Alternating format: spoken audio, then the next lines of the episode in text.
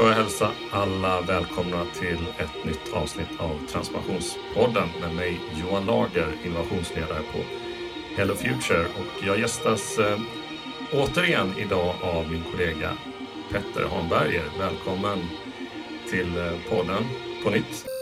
Tack ska du ha. Och det är ju så att vi, eh, vi har ju nyss eh, gjort en podcast som vi tänkte, ja vi tänkte köra en del två kan man säga. Eh, och det kan bli spännande. Vi hade så mycket att, eh, att gå vidare med. Eh, det, är liksom, det var nästan som att vi, det var två delar redan från början när vi planerade det här. Eh, och så blev det så att vi, eh, vi går vidare nu ganska snabbt och gör eh, del två. Men för de som kanske inte har lyssnat på det avsnittet än så, så tänkte jag att vi kör en liten recap där, Petter. Mm. Ja, men förra gången vi hörde så pratade vi om Betboss, eh, vårat, mm. vad ska man säga, mötesformat som vi har tagit fram. Mötesformat och ett, sätt, liksom, ett slags portföljhanteringsformat eh, för att eh, skapa samsyn, fokus och prioritera mm. idéer mm. inom ramen för innovationsarbete.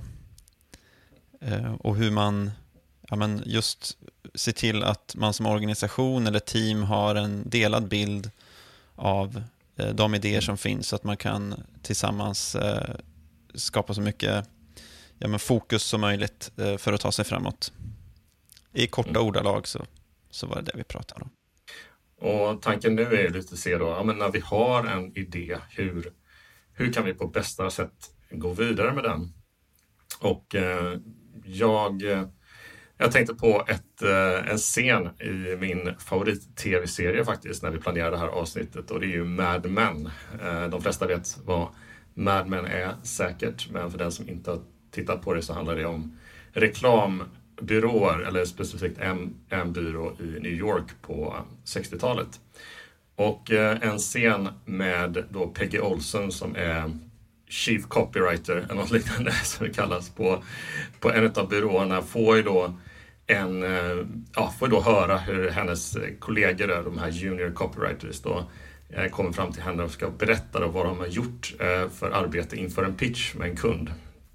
Och hon är inte så nöjd och den svidande kritiken mot de här grabbarna är att eh, hon säger då You don't seem to know the difference between a great idea and great execution. Och sen går de därifrån och eh, jag tycker det är väldigt bra bra sagt och uh, någonting som låter så enkelt men som är så svårt att se skillnaden på när idén är bra, idén är värd att, uh, att satsa på. Eh, men hur går man då till att göra liksom, genomförandet bra och var börjar man någonstans? Hur sätter man upp så att säga sin, sin projekt kring en, en bärande idé till, till att bli ett, ett lyckat projekt som man, kan, som man tjänar pengar på helt enkelt. Eller som ger det här värdet som man, som man har intentioner att ge med den här idén. Och eh, vad är dina tankar kring det Petter? Varför har vi så svårt att eh, skilja med de här två sakerna? Bra idéer och bra genomförande. Har du någon tanke kring det? Ja, massor tankar. Uh, ja, men jag, jag, den, den första den första stora fällan som jag ser det, eh, eller liksom tanke, tankeproblemet är att man har sin idé och oftast så, så med, med bra idéer, även om det bara är man själv som tycker idén är bra, eller om man faktiskt har enats inom ett team eller organisation kring att men den här idén är värd att, att genomföra, så, så eh, idéer är i sig själva ofta ganska stora liksom, och, och, mm. och, ambitiösa och visionära. Och man, det, är liksom, det är någonting som, de, de säger ju någonting eh, om, om, om något som inte finns idag troligtvis, eller en lösning som, som är eftersträvansvärd. Och problemet med det är att man, det, blir, det blir väldigt stort. Eh, man, man mm. kan liksom inte, det är väldigt svårt att börja i att man ska, ja, nu ska vi genomföra vår stora idé. Eh, för det blir övermäktigt. Eh, det blir övermäktigt och det blir, ja men det finns massor risker med det. Alltså, mm. man kanske ägnar alldeles för lång tid åt att skapa någonting som, man, som visade sig i slutändan att men, oj, det hade inte det värde eller den, den mm. efterfrågan som vi trodde eller, eh, mm. eller så.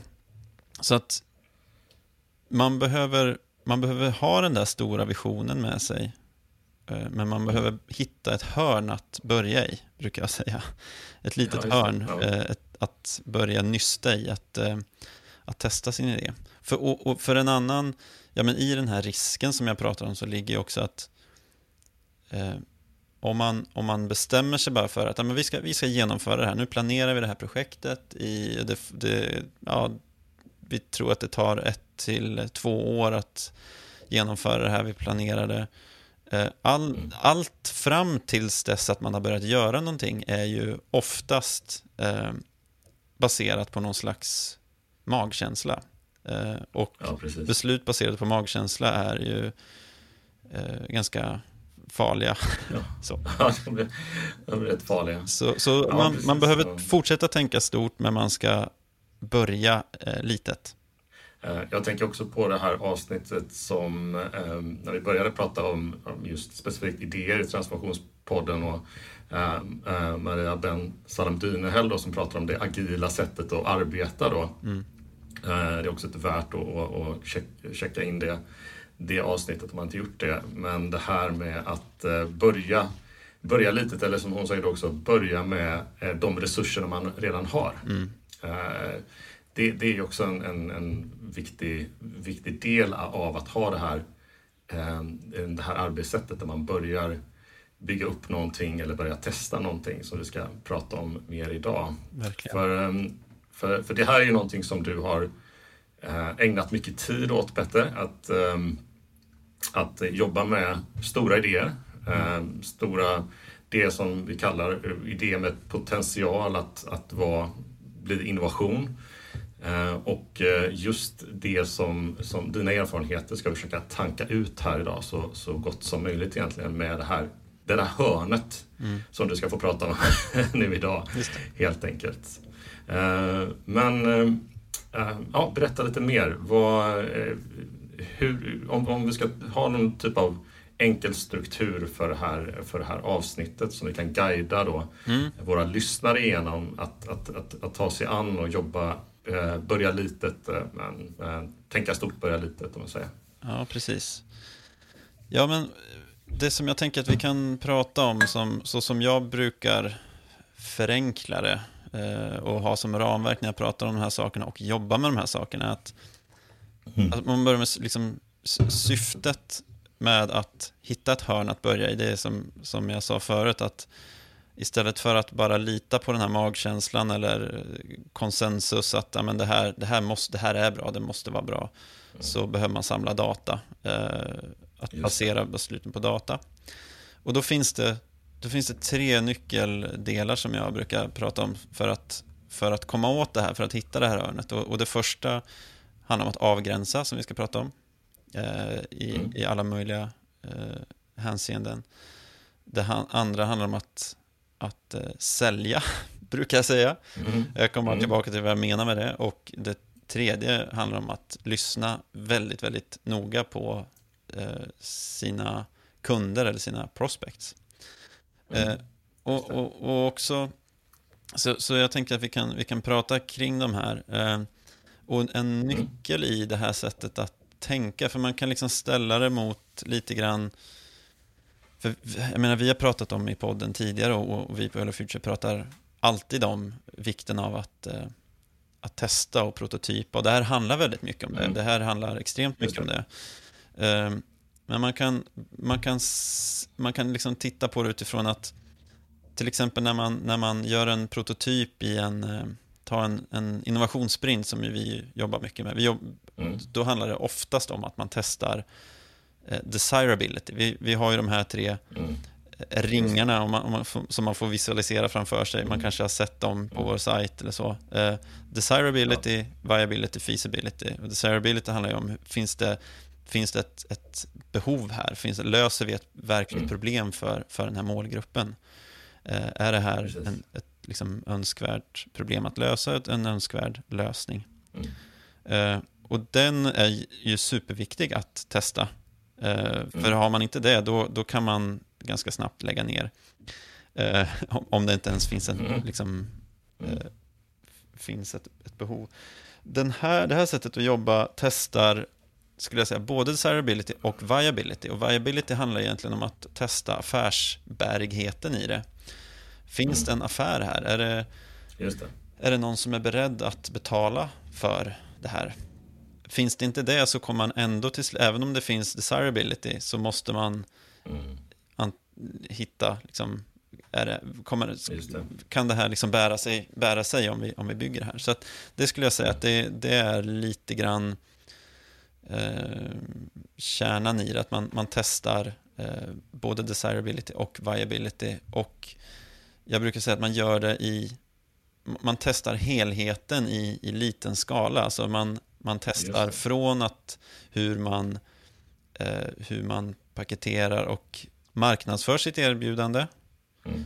till hur, man, hur, hur kunderna uppfattar det och ner till att de faktiskt eh, liksom signar upp eller liksom säger ja, jag, vill, jag är intresserad av det här eller jag vill köpa det här. Så det, och det kan vi mm. också komma tillbaka lite till, men, men eh, man, man testar liksom live i marknaden, helheten i liten skala. Liksom.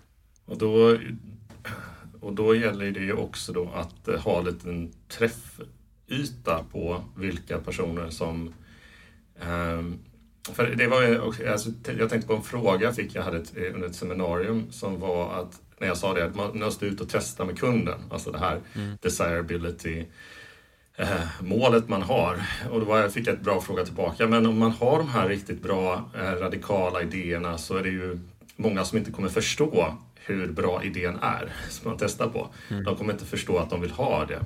Eh, och det kan ju ha, handla om att man är före sin tid. Men ofta så handlar det bara om att man inte hittat det man kallar early adopters. Alltså man har inte hittat dem som idén är för. Mm. Uh, och det viktiga egentligen är väl att uh, ja, men hitta de här personerna som det här är för. Uh, vi är ganska dåliga på det också, att tänka att, att liksom, när, man får, när någon inte gillar idén eller börjar gilla det de ser så tänker man att aj det här var inte riktigt bra. Men det kan ju bara vara så att det inte är för dem. Verkligen. Så försöka få den här träffytan på, på, på de man söker att ge värde för. Ja. Det är väl egentligen första steget in i det, så att säga att, att okej, okay, vi har en idé som kanske är som kanske inte riktigt är mogen men vi, eh, på, på sikt så, så, så kan den vara det. Vi måste hitta dem som, som först är intresserade av den. Och det är ju lite trixigt också att hitta den här eh, avgränsade ytan av personer att testa både eh, desirability och viability på, tänker jag. Mm. Ja, men exakt. Du är ju bra brygga över till, om vi liksom går in på det här med att mm. avgränsa då. Um, mm. Som du säger, en, ett, liksom steg ett i avgränsningen handlar ju om att för, för nu, nu, pratar vi om att testa idén i liten skala. Den här stora, svulstiga, mm. ambitiösa idén ska vi testa i ett litet hörn. Och då, mm. precis som du säger, liksom att, att avgränsa målgruppen egentligen. Mm. Och det beror väldigt mycket på, liksom, vad, hur man avgränsar beror väldigt mycket på vad det är för typ av idé man jobbar med. Alltså avgränsningen kan vara, för, för något företag så kan avgränsningen vara geografisk. Att ja, men vi, vi börjar i i, bara i den här regionen i Västsverige. Eller, mm. eh, men för i, i, ganska många andra fall så, så kan man liksom kan avgränsningen vara att man segmenterar på, man kanske har dat, någon typ av data i sin, säg att man har en mejllista till exempel med ett, ett mm. nyhetsbrev kanske, där man vet någonting, mm. du kanske vet någonting av vad, vad eh, de är intresserade av. De kanske har, mm. De kanske har signat upp via, ett, eh, visst, eh, via en viss sida på din sajt eller de har mm. kommit in via en föreläsning som någon höll och då vet du att amen, de, de är mm. intresserade av den här typen av produkter. Och, så att, mm. och då kan man börja avgränsa och hitta, liksom, hitta en, en målgrupp som har som har, eller som man tror har, för man, här kommer man ju jobba med hypoteser hela vägen. Man tror att den här, mm. vi tror att den här målgruppen är intresserad av det här. Eh, och vi har de här, säg 50 eller 100 personerna som har gemensamma egenskaper. Vi tror att de är liksom, vi mm. tror att det är målgruppen.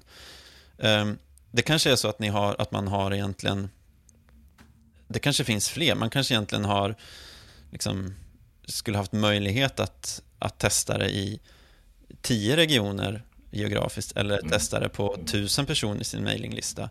Men ju mer man avgränsar, desto bättre, desto lättare gör man det för sig i själva testet. Mm. För att man, man kan lyssna mycket, när vi pratar, vi kan mm. prata mer om lys, lyssna och, och, dra slutsatser sen, men att man, mm. man, kan, det är lättare att lyssna på och verkligen få bra eh, input och feedback från 20 eller 30 personer än från 1000 personer. Det kommer bli ett annat brus. Och, och eh, du kommer kunna liksom skapa en, en bättre upplevelse för eh, en, en, begränsad målgrupp i början liksom, mm. och lära dig mer. Så att avgränsning, men jag skulle också säga till, till det som du sa Johan, med, det handlar dels om det handlar dels om att avgränsa målgruppen, men det handlar också om, tror jag, att avgränsa eh, för, för, ett problem när man har en idé är att man, man har den formulerad i sitt huvud på ett sätt. Mm. Eh, det, ett, man kan också stöta in i, och det är ganska vanligt, det tycker jag jag gör nästan varje gång jag jag gör sånt här arbete, att man, man börjar med ett sätt att beskriva sin tjänst eller sin produkt eller sitt erbjudande. Mm. Men sättet man beskriver det, eh, alltså mm. ens, vad ska man säga, ens värdeerbjudande och eh, så, som man, så som man paketerar sin, sitt erbjudande, det stämmer inte överens med vad, vad målgruppen tänker att deras problem är eller vad, deras, vad, vad de är ute efter för lösning. Så det kan också vara mm. ett, det är någonting som man också behöver ta i beaktande när man börjar testa, att man, det är sådana saker som man kommer kanske behöva skruva på i början. Precis. Ett exempel, eh, jag, jag, brukar, mm. jag har tidigare tagit, tagit exempel från, från ett bolag som jag jobbade med för några år sedan som heter Min Farm, där vi kopplade ihop eh, bönder med konsumenter via en digital marknadsplats. Och när vi först eh, lanserade den första piloten av det här och började liksom testa det erbjudandet, då var paketeringen att det var, man skulle kunna äga sin egen online-farm. Det var liksom lite mm. så här, ja men, eh, och, och, följa livet på gården under året och få liksom kontakt mm. med sina bönder och sin, sina, sin, så småningom sina livsmedel. Eh, mm. Men vi märkte efter ett tag att folk fattade inte det där. Vadå online-farm? Ja. Utan mm. det vi förstod ganska snart, tack och lov, var att det folk var intresserade av, det var att kunna handla bra lokal närproducerade mm. råvaror. De sket mm. fullständigt i om det var någon online-farm, så att vi bara skalade bort Nej, det. det. Och, mm. och, sa som det var, du kan handla direkt från dina lokala bönder eh, utan mellanhänder och du mm. kommer få in liksom, möjlighet att träffa, alltså, träffa, dina, träffa producenterna och så vidare. Så att, eh, det, det, är också en viktig del i avgränsningen, att vara väldigt noggrann med det. Eh, för annars så kan man också få liksom noggrann och, och vara beredd på att testa det lite grann. Så att eh, avgränsning både i testytan, som sagt, i målgrupp och mm. marknad och i hur man Ja, men jag skulle säga hur man avgränsar sitt erbjudande för att det. en det kan ju vara så att ens troligtvis så den, den idé man går och bär på eh, mm. är stor och innehåller massa saker. Men mm ju mer man kan testa liksom en... Välj ut en... Eller så här, ta reda på vilken del av din idé som skapar mest värde för, för flest personer. Och mm, fokusera mm. på att göra den, en sak riktigt, riktigt bra. För den målgruppen. Eh, just det. Då, då, det, det, är också ett sätt att avgränsa för att, och inte minst liksom spara på sina egna resurser, göra, lära sig så mycket som möjligt med, med, med så lite som möjligt. Så att eh, det är väl ytterligare en, en aspekt skulle jag säga, att, att eh, avgränsa sitt erbjudande. Ja, jättebra just den här biten kring att, att uh, försöka göra någonting bra, för det är väldigt svårt att, uh, att uh, göra något bra för väldigt många så tidigt ja. i processen. Och jag, jag kan säga det, bara backa tillbaka lite grann. Om man har kommit så här långt i processen, då har man ju, baserat också på de avsnitt vi gjort tidigare, pratat om att man har också identifierat att det här är ett problem, det är ett behov, eh, det behövs någon typ av lösning. Så det, har man inte gjort det, den hemläxan och det, det grundarbetet innan så blir det här um, eh, blir det här väldigt, mycket, mycket, mycket svårare. Så man har ju ändå, vi, förutsätter ju ändå att man har någon typ av eh, reach liksom, till sin målgrupp, till sina kunder. Ja. Eh, så om man inte är ett startup då och lyssnar på det här, men är man i en organisation så har man ändå det. Men, men det handlar ju då som, som, som vi kommer in på nu då, och, och testa både viability och desirability eh, med sin idé. Eh, då kan man också då, som, som igen då, för att knyta upp till det jag sa innan, innan frågan, så säga att då kan man hamna där, där man testar eh, man testar rätt, eh, alltså man testar en lösning på, på, på rätt behov och rätt problem för en målgrupp, men man testar en lösning som inte är just för dem. Mm. Och det kan ju handla om att de inte har de resurserna, de pengarna eller de kan inte se att just det här skulle lösa deras problem. Eh, och, och, där måste man då hitta egentligen hitta vidare mm. eh, i, i, i den i den fasen då egentligen och få, få den, den, den avgränsningen i alla fall. Och naturligtvis kan man ju Hittar man inte den avgränsningen då, då, har man ju, då ska man inte gå vidare de andra stegen heller. Så att säga. Då, har man inte, då, då, då, då, då är den där idén kanske inte, inte alls rätt tid att, att eh, satsa på och skala upp. Ja, åtminstone så kommer det vara, jag tror att man kan se det här avgränsningsarbetet som ett, som ett förarbete och, och lyckas ja, men lyckas man inte göra det, då kommer man, man kan säga man kommer få problem senare tror jag. Mm. Man, kan, man kan absolut gå vidare till de andra stegen, men, men det kommer bli mycket svårare. Man kommer nog, man kommer upptäcka att man lägger mycket tid på fel saker helt enkelt. Mm. Um, men eh, så att, så att eh, avgränsningen är del av förarbetet. Sen så, sen så finns det, som jag ser så finns det liksom tänket med för, för, för steg ett, om vi kommer in på eller så här, nu har vi pratat om avgränsning, om vi går, kommer in på mm. nästa del då, som jag pratar om, som jag kallar för sälja. Ja.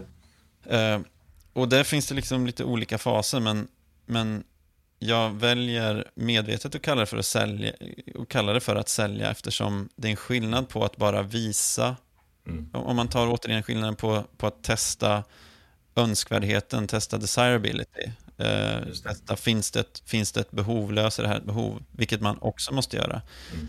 Men det vi vill prova nu är också viability, det vill säga kan vi, är någon beredd Precis. att betala för det här? Precis. Och har man gjort sitt arbete med att avgränsa i sin målgrupp, avgränsa sitt erbjudande, mm. då kan man här börja eh, försöka sälja, sälja det man har. Och då kan det ju låta som att, ja men okej, okay, ska jag börja sälja någonting nu, eh, då måste jag ju skapa den produkten eller den tjänsten eller det erbjudandet. Eh, och det måste man inte. Det är det som är det fina. Mm. att mm. Här är egentligen hela, hela tricket så att säga att Just. använda sig av ett, av ett, av ett slags prototyptänk.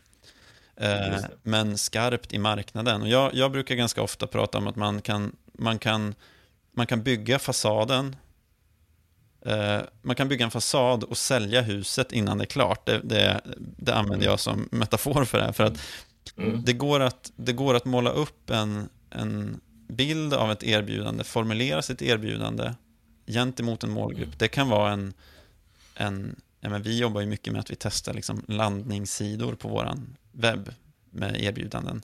Och det är ju ganska vanligt idag att man gör det. Det kan ju vara en pdf med ett erbjudande som du har liksom, eh, formulerat och, och skickar ut per mail till några prospects. Det kan vara, alltså, det kan vara en, eh, en skylt du sätter upp utanför ditt kontor. Det kan vara eh, men vad som helst där du kan beskriva, ett, beskriva ditt erbjudande. Och ju mer du, du kan beskriva det som ett, någonting som går att ja, men som någonting som finns, desto bättre data kommer du kunna få. Så att här handlar det om att vara ganska kreativ i hur man förpackar det här och hur man, mm. hur man eh, kan se till att, att få den eh, ja, men få den input och den data som man behöver.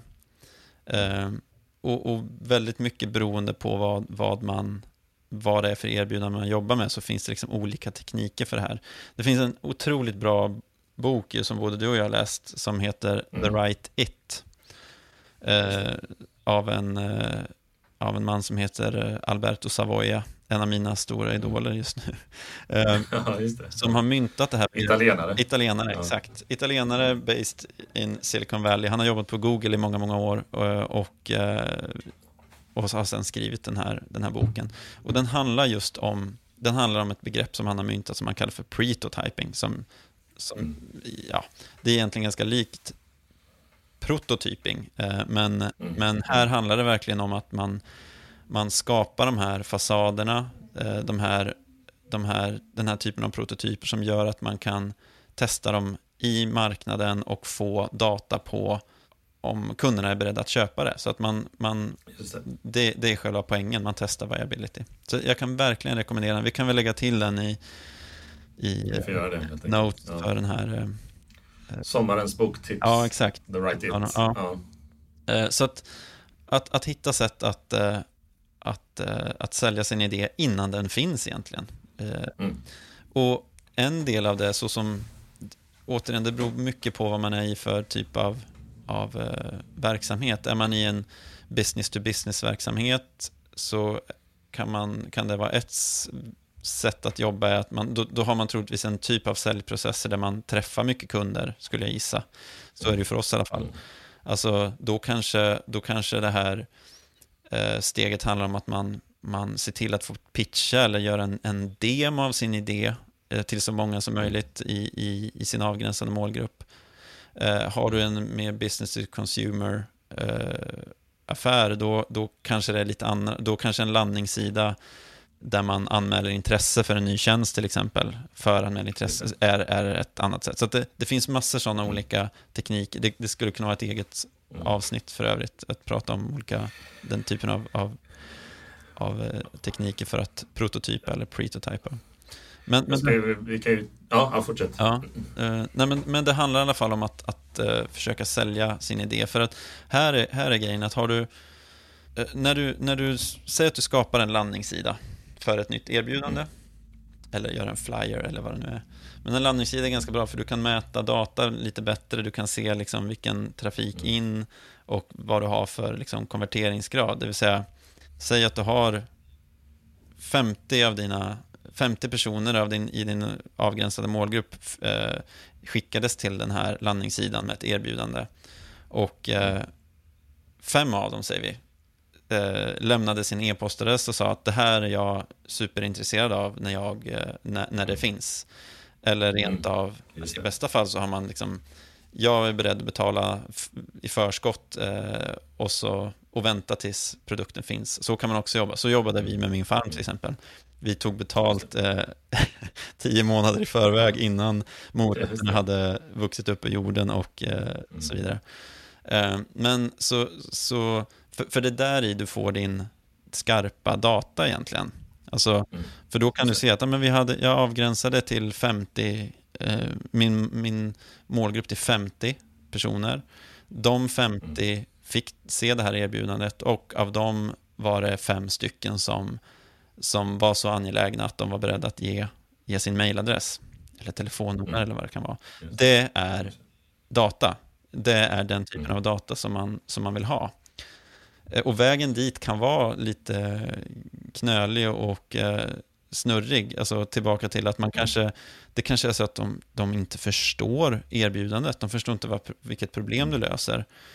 Eh, så att det, det, det, det, är ett trixande på vägen dit, eh, att iterera och, och, och, testa, men, men eh, det är den typen av data du vill ha. För då kan du, har du liksom testat det på 50 eller 100 personer och, och, ser en, och får en viss liksom konverteringsgrad, då, det vill säga hur många såg erbjudandet och hur många eh, tog en något typ av, av action, till exempel. Ja, så, mm. lämna sin e-post. Så. Då, då har du, då har du liksom en datapunkt som du kan, som du kan jobba med.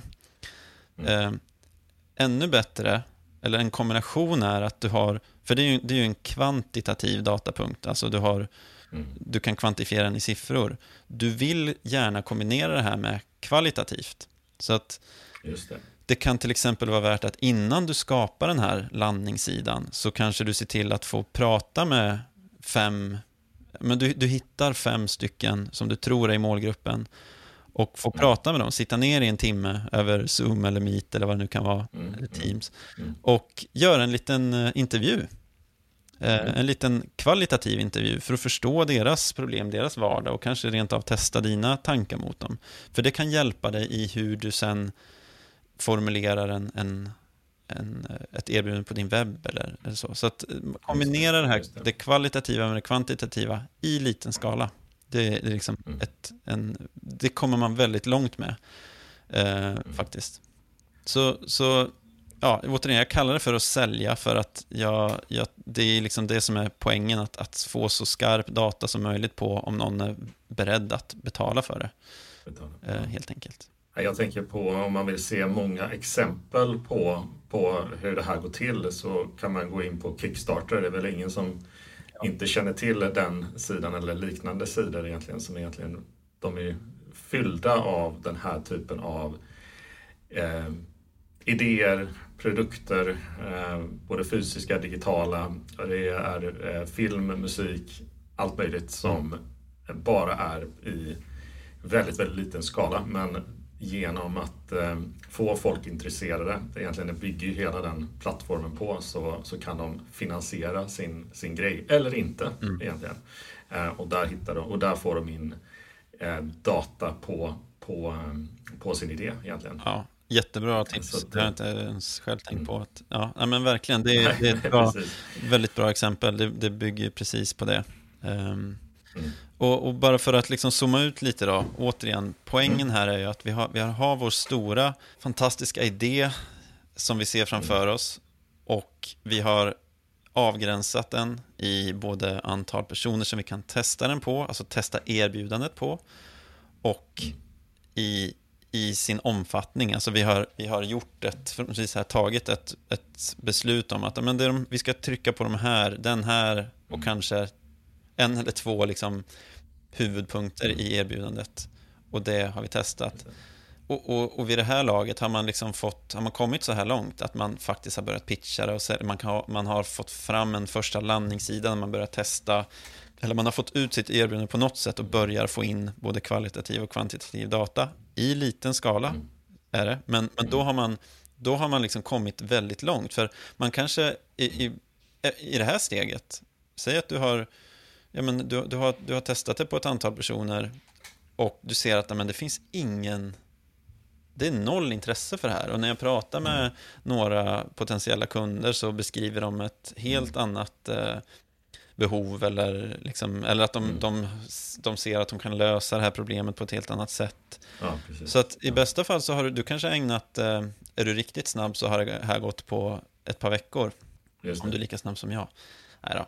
Mm. Men, eh, och då, då har du på två veckor ägnat relativt lite tid och resurser åt att komma mm. fram till att nej, det här ska vi inte göra. Eh, istället mm. för att ägna kanske åtta månader till att skapa, liksom, ta fram den här lösningen helt och hållet. Mm. Uh, så att det är ju verkligen...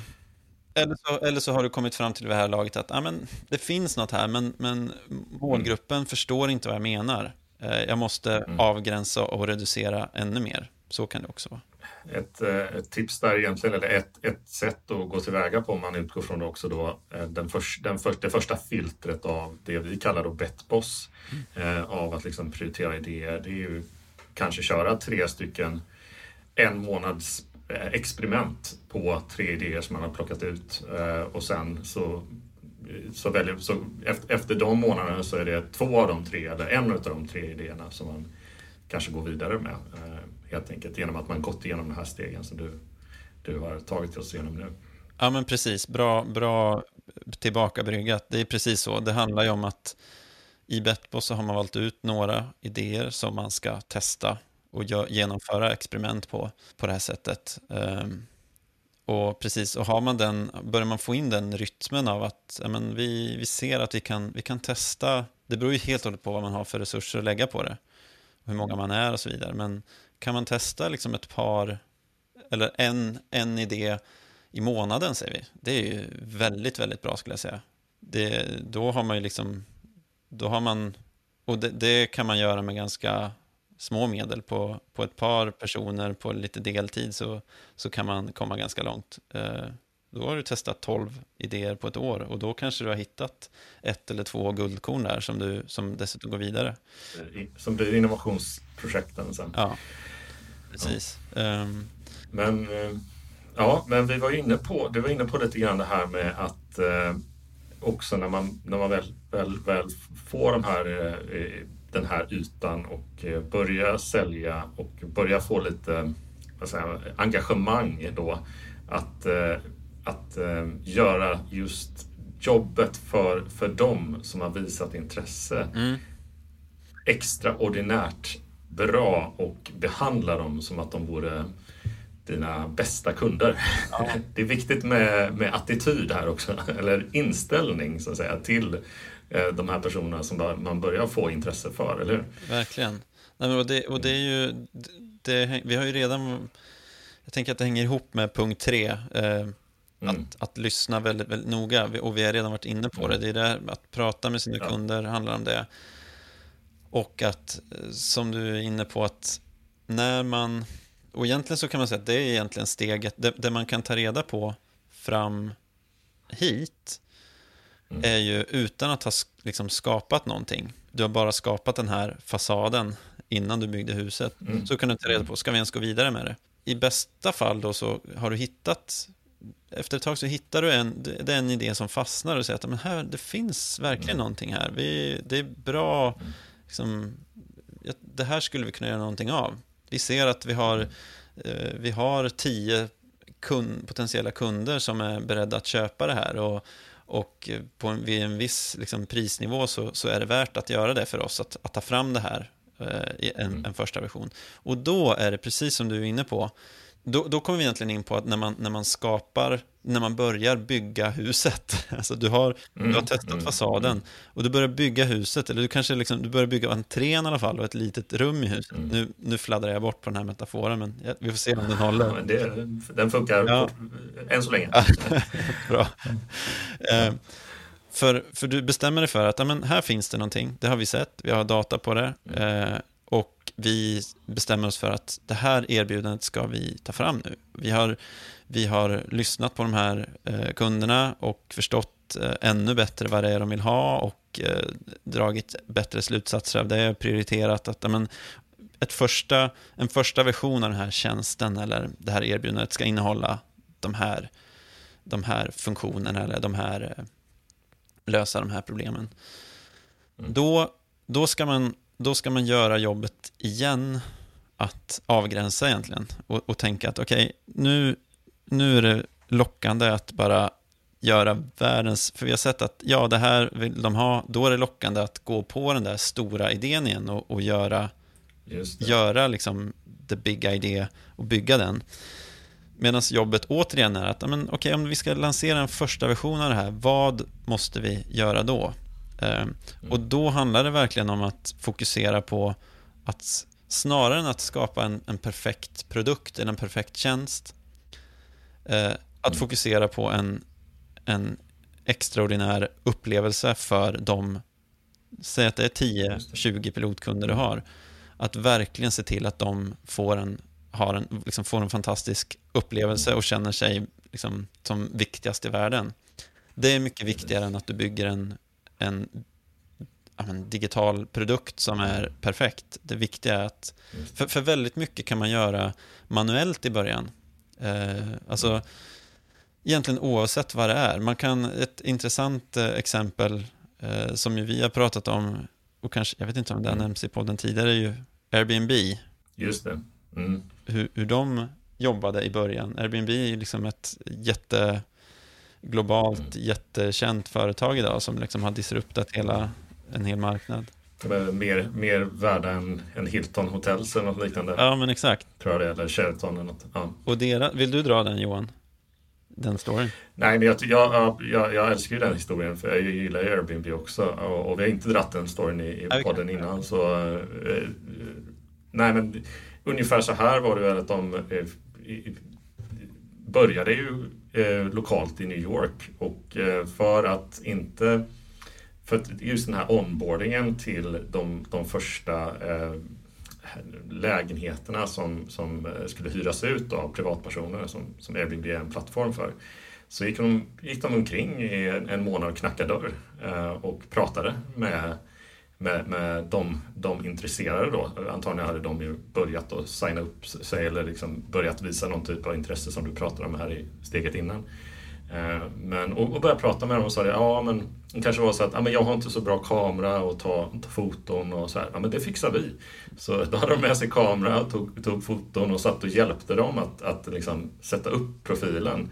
Eh, och, och, och, och, där lärde de sig då enormt mycket. De började ju få då Eh, personer som började erbjuda eh, sina hem via Airbnb men de fick ju också enormt mycket bra data och eh, på, på vad som funkade i, i själva liksom onboardingen i tjänsten och, och, och, och, även det som, som kanske oroade kunden eller funderingar de hade som de då kunde liksom få data på first hand när de var ute, ute i det här liksom, arbetet. Man, man, man, man går ut, man använder sina fötter och händer och, mm. och verkligen, eh, man är inte defensiv i interaktionen. Eller de var ju definitivt inte defensiva i interaktionen med sina första kunder mm. som de såg som var väldigt värdefulla och kunderna upplevde också att de blev väldigt, väldigt, eh, de kände sig exklusiva och jag tror att om man nu pratar om early adopters också som man vill, man vill hitta för sin idé mm. så, är, så, så, finns det också en chans att det är personer som gillar att känna att de är exklusiva. Att de ja. får testa det här. Det är vi först med att få testa det här. Oj, det här är en ny det här är en ny bra idé för någonting jag tycker är intressant själv och som jag är en kund för. Och jag plus tio andra just nu får Eh, får, får liksom vara med och utveckla den. Ehm, så det ska man ju också dra nytta av, att hitta de personerna. Ja, men det är jätte, jag tycker det är ett jättebra exempel på så många sätt. Det, ja, men, eh, verkligen. Alltså det, bara det, dels att de, ja, men, som, som du nämnde i en bisats, att de började i New York. Alltså de, de hade avgränsat till New York. Eh, och just att de liksom ja, men de höll i princip sina kunder i handen och gjorde ett, ett jobb mm. åt dem i början för att få med dem på tåget och lära sig så mycket som möjligt. Mm. Ehm, det, ja, det är väldigt, eh, finns väldigt mycket att lära av det. Men jag tycker en sak som, som du är väldigt bra på, Petter, äh, vet av erfarenhet av att jobba med dig, det är ju också att att vara ett bra backoffice för de här kunderna. Mm. Äh, det vill säga att man kanske förväntar sig någon typ av det är svårt att tänka sig när man kanske är ett litet bolag eller en liten organisation. Hur ska vi eh, ta, ta, ta, vara på eh, liksom, när det kommer in, eh, när de behöver ha kontakt eller hjälp med oss. Mm. Och det, det som är bra då när man har en ut, liksom, avgränsad del att jobba med, det är att man kan, tänka, man kan gå in i ett mindset som att man är ett stort bolag. Ja. och att man har jättemycket, man har en, man har en frontdesk med med, med många personer som svarar i telefon.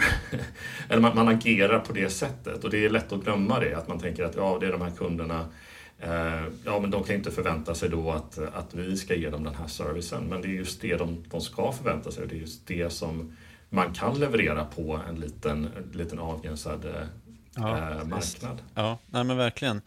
Det är, eh, det är ju som... Eh, det finns ju massor bra anledningar till att göra så. Eh, det ena är mm. att, som vi var inne på, det är liksom eh, man kan, man kan göra väldigt mycket av, man kan skapa upplevelsen av en ny tjänst eller ett nytt erbjudande kan, mm. kan man att göra den riktigt stark och bra, det kan man göra väldigt mycket manuellt i början och man behöver göra det. Precis. Sen senare, om man liksom, we struck upon gold, vi, ja, det är någonting som ja. bara får så här hockey, hockeystick mm. growth som det kallas i, med mm. mm. klichétermer, då är det något annat. Då kommer man bygga en, då, då kommer det vara liksom en, ja. en annan digital produkt, ett helt annat sätt att hantera kunder. Men i början så, mm. så behöver man äh, agera som om man mm. var liksom ett, ett stort backoffice och, och, och se till att kunderna känner sig lyssnade på och hörda. För att det är också så man, man lär sig som allra, allra mest.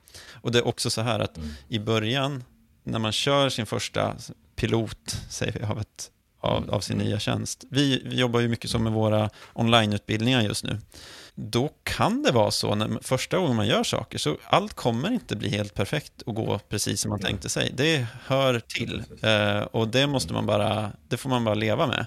Men det finns också då rätt bra sätt att hantera det och ett, ett av de sätten är att men, ha inte för många, släpp inte in för många i början och vad som än händer så kommer du då kunna liksom göra väldigt stora uppoffringar för din kund om någonting går fel så att säga, eller någonting mm. som inte lever upp till deras förväntningar. Du kan alltid liksom, då kan du alltid erbjuda, eh, exempel igen, tillbaka till mm. min farm. Mm. Vårt första år med, med, min farm, då hade vi det tror jag sagt vi hade tio kunder och tio bönder. Det var vårt, liksom, vår pilot. Och vid den första leveransen, då hade de här kunderna väntat i då, tio månader. Då visade det sig att i de lådor med nötkött som vi sålde, så var det nästan bara färs. Alltså så man, kunden hade köpt en, en 10 kilos låda och det var nästan bara färs i. Och ganska många av de här tio kunderna, jag tror säkert sju, hörde av sig bara, men det är bara färs i. Vad är de fina styckdetaljerna? Och eh, då hade vi antingen kunnat så här, skylla på bönderna och då hade vi skjutit oss själva i sank. Eller vi hade kunnat skylla, liksom, skylla ifrån oss på annat sätt. Men det vi gjorde var att mm. Vi sa direkt att vi, vi ber om ursäkt, vi visste inte det. Eh, vi, ni behöver inte betala för den lådan och eh, vi ska se till att ni får en, en, en bättre låda nästa gång. Och, och, så, och plötsligt så vände vi de, de kunderna hade ju kunnat liksom lämna oss, men vi vände det till att de, de det var ju liksom precis så som det bästa sättet vi kunde agera på. Eh, och de var jättenöjda. Så det, det, är så man, man måste, och det var ju ingen jätteuppoffring för oss heller, men man måste vara beredd att göra uppoffringar och verkligen mm. alltså, hålla hand. Var generös. Ja, var väldigt generös. Ja, exakt. Eh, ja. Och, och, lyssna på dem. Hellre höra av sig en gång för mycket än en gång för lite och höra liksom, hur går det, är hur, hur liksom sådär. Eh, så att mm. super, superviktigt, eh, verkligen. Mm. Ja, men det, är, det är väl för att sammanfatta den, den punkten lite grann där, just att vara så generös som möjligt för att få så bra data som möjligt. Ja, eh, för att, och, och egentligen den datan vi ser här nu när man testar då, ehm, man, man testar eh, viability, desirability, så, så får man det underlag som man behöver för att sen förstå om man kan ha feasibility. Alltså, kan vi skala upp det här? Är det möjligt att jobba på det här sättet? Alltså, mm. vad, eller vad ska vi göra för att kunna skala upp det? För att, eh den här generositeten kommer ju kosta väldigt mycket pengar eh, när man sen skalar upp det, så att säga. Och det mm. kan man ju på något sätt räkna på sen. Alltså ska vi verkligen göra det här, då kommer kunden kräva ja. den här typen av funktionalitet, den här typen av eh, service, den här typen av priser, den här typen av mm. och så vidare, så vidare, den här typen av design. Eh, och eh, den, den datan är ju eh, enormt eh, värdefull eh, för att då få den här helheten av det vi liksom kallar kanske innovation sweet spot, liksom, där alla de här tre delarna går ihop och man känner okej, okay, de vill ha det, de kan betala för det och vi kan göra det. Och det är ju den resan som, det är de svar man får på den här resan genom att göra den här typen av experiment. Ja men verkligen, det, så är det. Vi har dels pratat om att man, man testar av, finns det ens ett intresse för det här, det här mm. Eh, och då kanske man ser att det inte finns det. Och finns det det så, så gör man en första version av det här, en första pilot, skulle man kunna kalla det. Mm. Eh, där, man, där man ju går ytterligare ett steg längre och, och förstår ännu mer. Man liksom bygger ut en första, en första version av den här tjänsten eller erbjudandet, den här upplevelsen. Men och, och här någonstans eh, så kan man ju också börja och det, det, bör man väl göra kanske redan efter när man, när man bara testar av erbjudandet, att man, man sammanställer sin, sin data. Mm. Ehm, ja. Och, och sammanställa data kan låta så stort och svulstigt mm. eh, och svårt som att det är mm. någonting som en så data scientist gör. Men, ja, men det behöver precis. inte vara så avancerat, utan om man, om man tittar på det som att datan består av kvalitativ data, mm. att man har prat, det innebär att man har pratat med sina kunder eller sina ja. prospects eh, och lärt sig saker av det. Och den andra delen är det kvantitativa. Man har sett att ja, men, man har kunnat titta på hur många som har konverterat eller hur mycket de är beredda att betala eller vad det kan vara. Alltså man har, nu har vi inte pratat så mycket om hur man ställer upp, upp hypoteser. Vi behöver inte gå in så djupt på det, men, det, men, mm. men i det här arbetet så har man ju ställt upp hypoteser som man vill bevisa eller motbevisa och, och, och, liksom, och kunna titta på att men med den här datan så vår hypotes var att eh, 10% skulle vara beredda att betala x antal kronor för det här, men eh, det höll inte, eller vi överlevererade på det. Men, men det är den, den datan behöver man sammanställa och bara se vad, vad har vi lärt oss? Vad har vi fått för indikationer från marknaden? Och då behöver man ju såklart kunna bedöma den på och vända och vrida lite på den. Alltså finns det andra saker som har påverkat det, vad vi har sett här? Alltså vi, vi skulle lansera en, eh, en sälja saft i ett gathörn eh, mm. och eh, vi sålde jättemycket en dag, men det kanske var så att det var 20 grader varmt. Alltså bara som exempel, var, var, det, var, det, var det någonting i, i omvärlden som, som påverkade att konverteringen blev så bra eller så dålig, till exempel. Eh, men titta på vilka, vilka slutsatser och lärdomar drar vi av det här. Ehm, och det här bör man göra när man, det är här någonstans man, man bestämmer sig för om man ska gå vidare eller inte. Mm. Eh, om man ska göra sin pilot eller inte göra sin pilot och, och, och så. Om man ska liksom göra en första version av, av erbjudandet. Och, och samma sak behöver man fortsätta göra. Man behöver titta, liksom, det här är ju iterativt, verkligen. Alltså i, mm. i nästa skede, eh, okej, okay, vi, vi lyckades, vi fick bra data från, vi ser att det är 10 eller 15 kunder som, som vill köpa det här, men vi, vi tar fram ett första erbjudande och säljer det till dem. Mm där, ju, mer, ju längre man kommer, desto mer kan man ju börja kvantifiera den här möjligheten på riktigt och skapa någon slags business case av det, som ju är liksom affärstermen för det här. Um, och se vad, ja, men, baserat på de här, de här antagandena om, om vi tror att marknaden för det här kan vara så här stor. Eh, vad skulle det innebära för oss? Eh, vad, vad skulle vi liksom kunna ha för omsättning på ett sånt här erbjudande. Ja. Det, är ju, det är ju fortfarande gissningar, men, men mer, mycket mer baserat på riktig data. Även om det är mm. data i, i, mindre mängder så är det, så är det, du kan basera på data snarare än att bara, bara gissa. Mm. Uh, så det är liksom, det är ju nästa, det är ju på något sätt det fina med det här, att då, har du, då kan du till, gå tillbaka till Betboss eh, sex mm. veckor senare, eller ditt, ditt möte, vad du nu vill kalla det, ja. där ni tillsammans tittar på idéerna som ni har testat och se att ja, men vi såg direkt att den här idén höll inte, eller mm. ja, men titta på det här, vi, vi ställde upp de här hypoteserna om att eh, si och så många procent av, av den här avgränsade målgruppen som vi tror har de här egenskaperna skulle vara beredda att köpa det för så här mycket pengar. Och eh, hypotesen stämde. Eh, och sen så, ja men, vi mätte upp, sizade upp det här och, och såg att ja, men, om vi vågar göra det här nu och skala det här så skulle det kunna innebära så här, så här mycket intäkter till exempel. Så då, då, då har man plötsligt, eh, då kan man vara lika lika tydlig i, i konversationen eh, med, med interna stakeholders och kollegor som man var innan man började testa idén. Att, men, det, det var det här vi lärde oss. Det här har vi sett, det här har vi hört. Och viktigt är också att inte glömma eh, den interna datan också på ja. hur mycket tid tar det ifrån oss eller tar det att göra oss, vilka, ja, vilka resurser ja, behöver vi? Den, den, samlar man ju parallellt med, ja. med den datan så att man kan, man, kan, eh, man kan se att eh, ja, men om vi skalar upp det så kommer det behövas kanske att vi anställer en ny person som gör det här eller så vidare, så, vidare, så kan man räkna på det Precis. naturligtvis.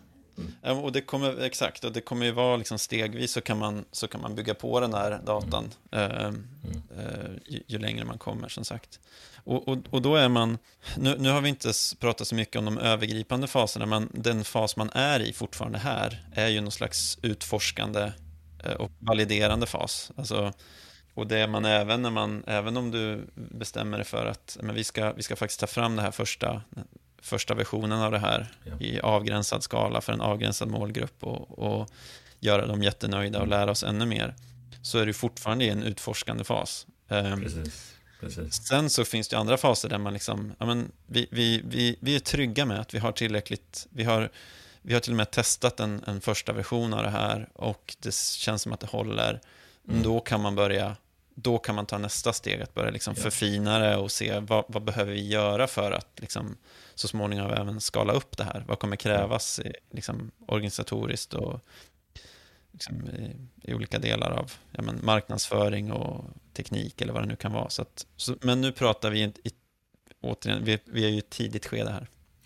Precis, och lite för att knyta ihop säcken där så handlar det om att börja i liten skala men med samma generositet och hårda arbete som skulle, man skulle haft om man mm. har byggt produkten. Men samtidigt med inställningen av att eh, det här kanske vi måste skrota, det här kanske ja. vi inte ska göra alls på sikt. Ja, precis. Och det är ju förhoppningsvis, eller troligtvis ska jag säga, så kanske man har upplevt tidigare, man, på det, så som man kanske har arbetat tidigare, att man har gått på den, jag har själv gjort det tidigare i min, i min karriär, att man, man har lagt väldigt mycket tid på någonting och sen så mm. eh, lanserar man det så att säga och så bara faller det platt och ingen, ja. ingen vill ha det.